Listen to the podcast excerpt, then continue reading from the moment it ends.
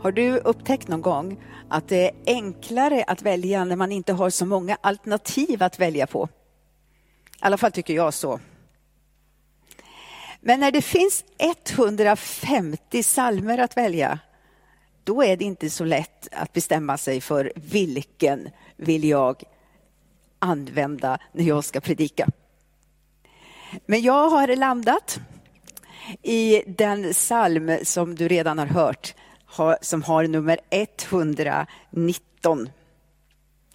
Allt som vi kan läsa i Saltaren eh, är, ju lärorikt, det är fantastiskt, det är, det är så mycket som vi kan få undervisning om där. Det är så många sätt vi får hjälp att lovsjunga Gud på. Det finns, eh, man brukar säga att det finns nog, ja men det finns nog eh, en psalm för var i livet du än befinner dig.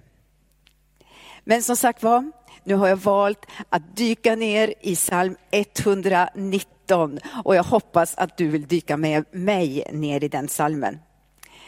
Eh, det kommer inte att eh, visa några bibelord idag på skärmen, så därför uppmuntrar jag dig nu till att plocka fram din bibel. Ta fram den om du har den i telefonen eller om du har din pappersbibel där hemma och slå upp psalm 119 och så kanske det är lite lättare för dig att följa med. Psalm 119 är nog inte den psalmen som jag har läst mest genom åren. Jag har andra bibelord i Saltaren som, som jag har tyckt varit såna där riktiga guldkorn och som jag har burit med mig många, många år och ofta återkommit till. Men om jag ska vara riktigt ärlig så har jag tyckt när jag kommit till psalm 119 att den har känts lite, ah, den har varit lite lång. Det är den ju. Det är många verser i den. Och jag kanske inte alltid har tänkt att oh vad fantastiskt, här ska jag lära mig många verser utan till. Utan kanske att det mer lutar åt samma håll som du hörde Carl Wilhelm säga i början av gudstjänsten. Det finns en vers som vi kan riktigt, riktigt bra. Men i början av det här året så lyssnade jag på en undervisning som gav mig en liten ny syn på den här salmen och som gjorde att jag började att läsa den eh, lite mera. Faktiskt ganska ofta. Eh, mellanåt till och med varje dag. Eh, och jag hoppas eh, att det där som, som jag fick uppleva, att det där eh, gjorde med mig, hoppas jag att jag kan få dela lite med dig idag. En nyfikenhet på, på den här salmen. Men inte bara på salmen, utan naturligtvis på hela Guds ord. För det salmen säger, det är att Guds ord är någonting helt fantastiskt. Vi ska återkomma till det om en liten stund. Men låt mig bara få säga något först om den 119 salmen, det där längsta kapitlet i hela Bibeln. Eh, den längsta utav de 150 salmerna. Det finns åtta stycken salmer i Saltaren som kallas för alfabetiska salmer. Och det är precis som det låter. Det är efter alfabetet, efter det hebreiska alfabetet. Och så har man en vers på varje bokstav. Och på det här sättet så var det ju lite lättare att lära sig salmen utan till naturligtvis. Det finns någon av de där alfabetiska salmerna som har två verser eller två rader på varje bokstav och blir ju då lite längre.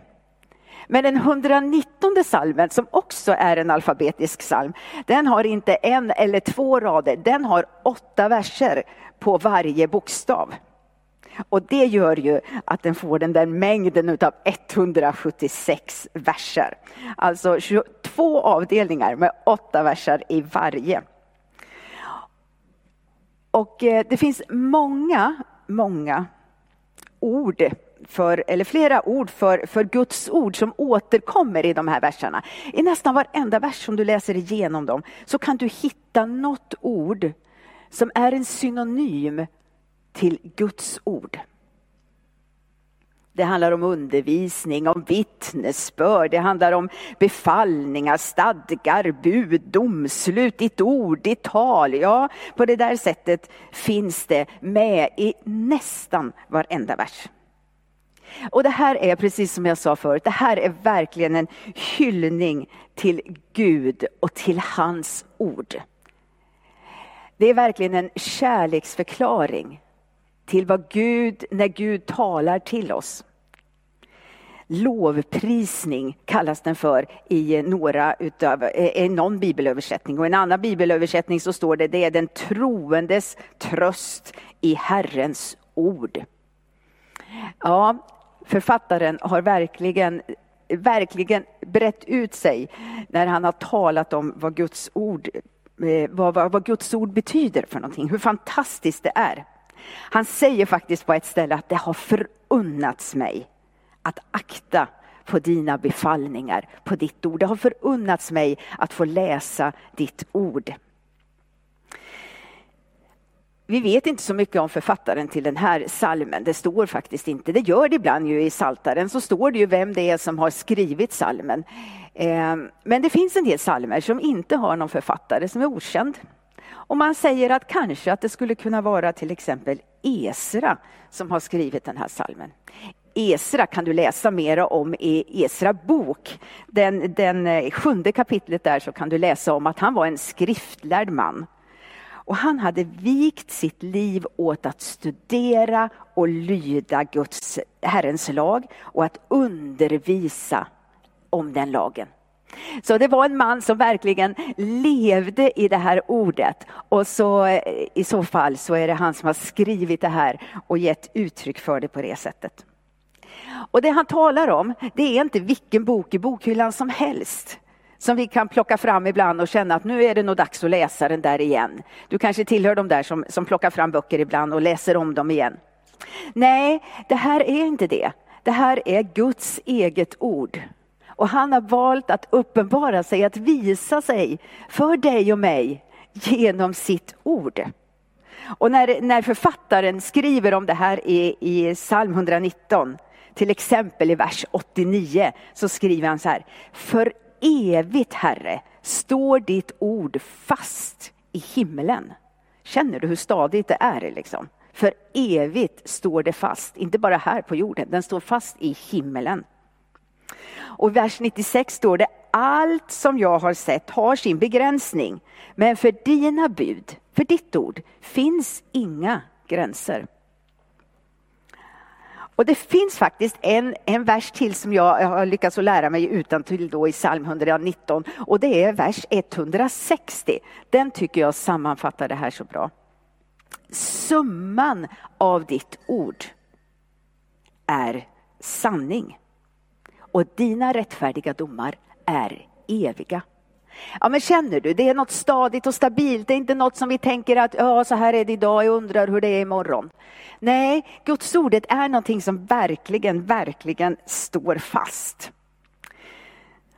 Och var, varför ska jag läsa det här då? Varför ska jag hålla på och, och, läsa i den här boken för? Varför ska jag gräva i den? Varför ska jag dyka ner i den? Det finns mycket annat att läsa. Ja, men därför att Guds ord gör någonting med oss när vi läser det. Precis som vi läste förut i, i vers 105, där den sa att den leder oss. Det leder oss på rätta vägar. Det, det, det, det där ordet, lyktan, är som en lykta som leder våra fötter på en rätt stig. Det här gudsordet vill leda dig och mig i vår vardag där vi är och där vi håller på, där vill Guds ordet leda oss. Det är inte bara så att jag ska läsa någonting för att jag ska göra någonting på morgonen innan jag går iväg eller på kvällen innan jag lägger mig. Utan det är faktiskt ett levande ord som vill vara med och leda mig. I det här ordet får du och jag lära känna Gud. Vi får lära känna hans plan och vi får också lära känna oss själva. Om du inte känner Gud, om du undrar funderar, vem är han? Läs i Guds ord. Där får du lära känna honom. Det finns en sida som heter jesus.se. Dit kan man höra av sig och då kan man få ett eh, Nya Testamente. Där kan du börja och läsa om du inte redan har en bibel där hemma. Gör det och lär känna Gud och se att han vill leda dig och vara med dig. Eh, salmen, eh, salmistens författare säger att Guds ord, de är mina rådgivare. Du, det finns väldigt mycket som vill tala in i våra liv idag, eller hur? Det är som ett mediebrus som du och jag lever med hela tiden. Alla röster som vill tala om för oss vem vi bör vara, hur vi bör vara, hur vi bör tänka, vad vi ska välja och så vidare. Mitt i det här mediebruset tror jag att det är så viktigt att du och jag får öppna Guds ord och att vi får låta det tala in i våra liv och att det får leda oss. Att det är det här ordet som får ha den högsta auktoriteten. Att det är det ordet som får ha den sista ordet i våra liv.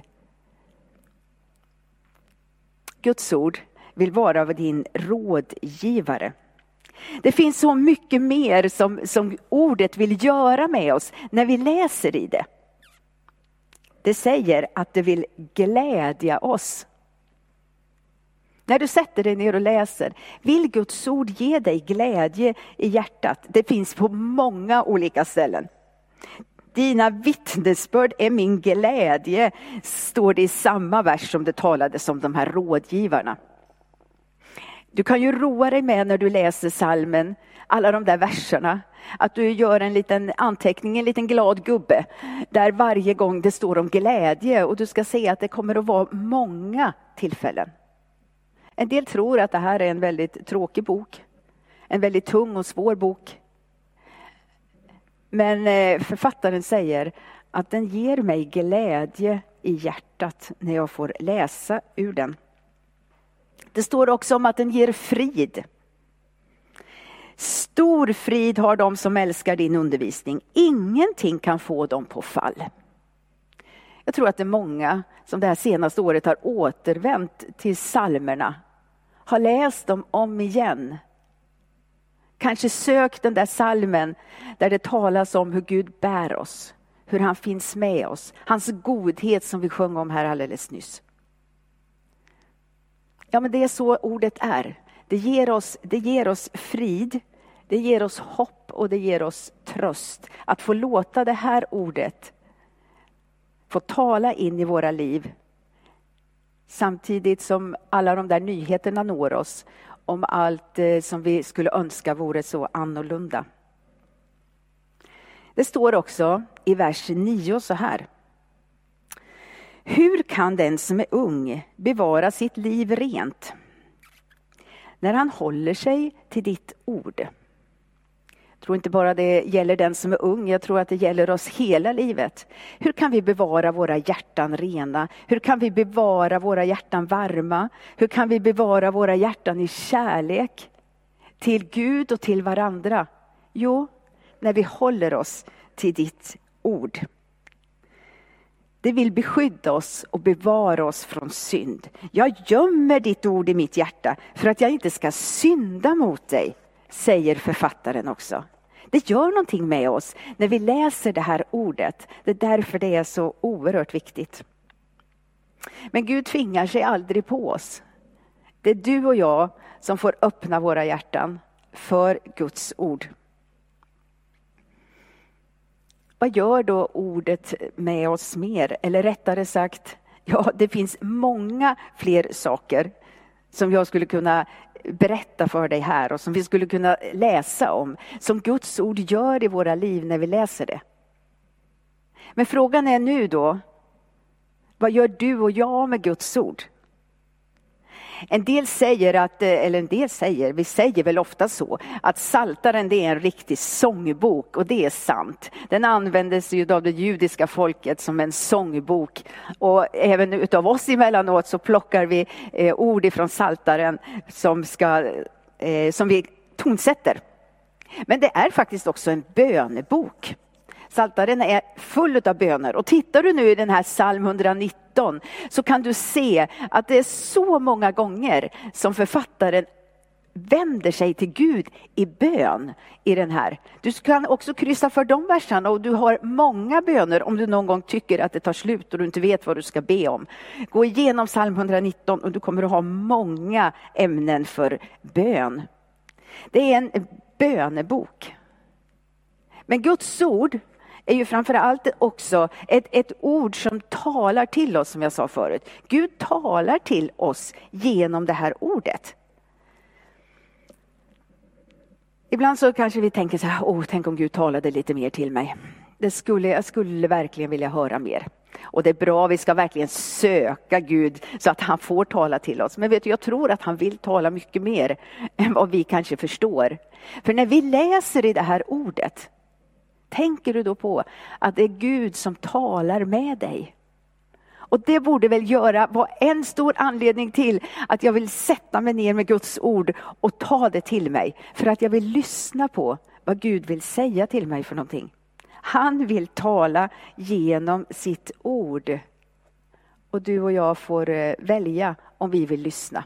Kanske att vi ibland behöver stänga av lite andra saker som brusar mycket och istället lyssna in på vad Gud vill säga till oss.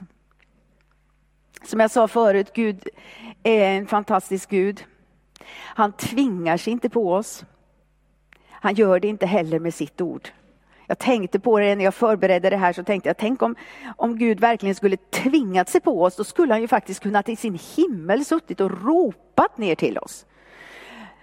Så att det dånat, du vet, mellan husen där vi bor, så att vi inte hade haft en chans att komma undan. Utan vi hade bara varit tvungna att lyssna antingen vi vill eller inte. Men så gör inte Gud. Men han är jättetydlig. Han ger oss verkligen sitt ord och han säger varsågod, här är det. Ta det. Lyssna på mig. Läs det. Och det är upp till dig och mig att besluta oss. Jag tror att det här är ett beslut vi måste göra om vi vill följa Guds ord och om vi vill lyda det. Om vi vill säga Gud, jag vill att det är du som ska ha den högsta prioriteten i det som jag lyssnar på. Gud, jag vill att det är du som ska få tala in i mitt liv. I vers 44 så säger författaren så här, jag vill alltid följa din undervisning, för alltid och för evigt. Känner du beslutet han liksom tar? Han säger det högt för sig själv där. Jag vill alltid följa det här ordet. Och låta det få bli en del av din vardag. Inte bara det där som man tar fram, du vet ibland när man ska ha någonting bra som man ska citera. Eller någonting som man tar fram, nu är det dags att gå till kyrkan. Utan ett ord som verkligen får leva med mig hela tiden. Låt det få finnas där hemma hos er. Läs det tillsammans. Samtala om det. Låt orden få bli, få bli vardag. Vad betyder det här för någonting? När Jesus säger så här, när salmen säger på det här sättet, vad betyder det för någonting för oss idag? Jag skulle också vilja uppmuntra dig som är förälder. Låt dina barn se att du läser i din bibel. Låt Bibeln få ligga framme, gärna på köksbordet eller någonstans där ni är ofta. Låt den få vara där så att man ser att den liksom finns med. För jag tror att det du gör, det påverkar dem så oerhört mycket. Man säger det, att barn gör inte som vi säger, de gör som vi gör. Och vill du dela Guds ord med dina barn, då tror jag att det är viktigt att de får se att det betyder mycket också för dig och att du därför låter den få finnas där. Nu är det ju så här att ibland så läser vi ju faktiskt Bibeln i telefonen och det, det är ju helt okej. Okay. Det är ju fantastiskt bra att man kan ta med sig Bibeln överallt. För telefon glömmer vi ju inte så ofta. Eh, så den finns alltid där med oss. Men jag tror också att gör du det, då är det också viktigt att dina barn får veta att det är Bibeln du läser. Det är ju inte så lätt för dem att veta om du sitter där och tittar på Facebook eller, eller gör någonting annat. Eh, därför så, så, så är den eh, en sak som jag tror att vi, vi ska värna om. Antingen att vi tar fram boken eller att vi säger nu, är, nu, nu läser jag Guds ord. För det gör att dina barn förstår att det här är någonting som är viktigt som du vill ha med i din vardag. Det står också om att han inte bara läste det, han står att jag vill begrunda ditt ord. Begrunda, det, det, det är ju när man tänker på någonting mycket. Va? Kanske vi skulle säga memorera. Jag vill liksom suga på det. Jag vill, jag vill, säga det om och om igen. Jag vill eh, tugga på det. Jag vet inte vilka ord vi ska använda. Men begrundar, jag begrundar Guds ord. Och det här är också en sak som är viktig för oss. Att ordet, vi läser det, men det får också finnas där, eh, får finnas med oss. Och det där skulle jag också vilja uppmuntra dig som är förälder att gärna göra tillsammans med dina barn. Ta ett ord som ni liksom tränar på tills ni känner att det här ordet, nu sitter det, nu sitter det verkligen i hjärtat. Nu kan vi det, nu finns det med oss. Vi i söndagsskolan, vi läser också Saltaren under den här sommaren. Och vi memorerar på en del av bibelorden för att vi ska lära oss dem, komma ihåg dem, ha dem med oss. Och kanske att du kan göra det tillsammans med din, eh, dina barn under den här sommaren. Memorera Guds ord. Låt det få sjunka ner i hjärtat. Den helige Ande, han, den suveräna hjälparen, han vill hjälpa oss när vi ska läsa Guds ord. Du kanske tycker att det är svårt. Du kanske känner att det, det, det är tungt. Du kanske tänker ibland att jag förstår inte. Nej, det är helt okej okay att inte förstå. Vem vore Gud om vi förstod allt som han sa till oss? Men låt inte det hindra dig eller stoppa dig, utan fortsätt. Fortsätt att söka Gud, fortsätt att läsa i ordet. Låt det liksom få, få suga tag i dig. Och jag skulle säga att det bästa sättet att få lust att läsa, det är att börja läsa. Börja läsa. Vet du att man kan äta sig hungrig? Det har du säkert varit med om någon gång. va? Man äter så mycket så man tänker jag kommer inte kunna äta på flera dagar. Men nästa dag är jag jättehungrig. Men du kan också svälta dig mätt. Det vill säga att du äter inte tills du inte känner längre att du behöver äta. Och vet du, så tror jag vi kan göra också med Guds ord. Vi kan liksom tappa bort att vi behöver ordet.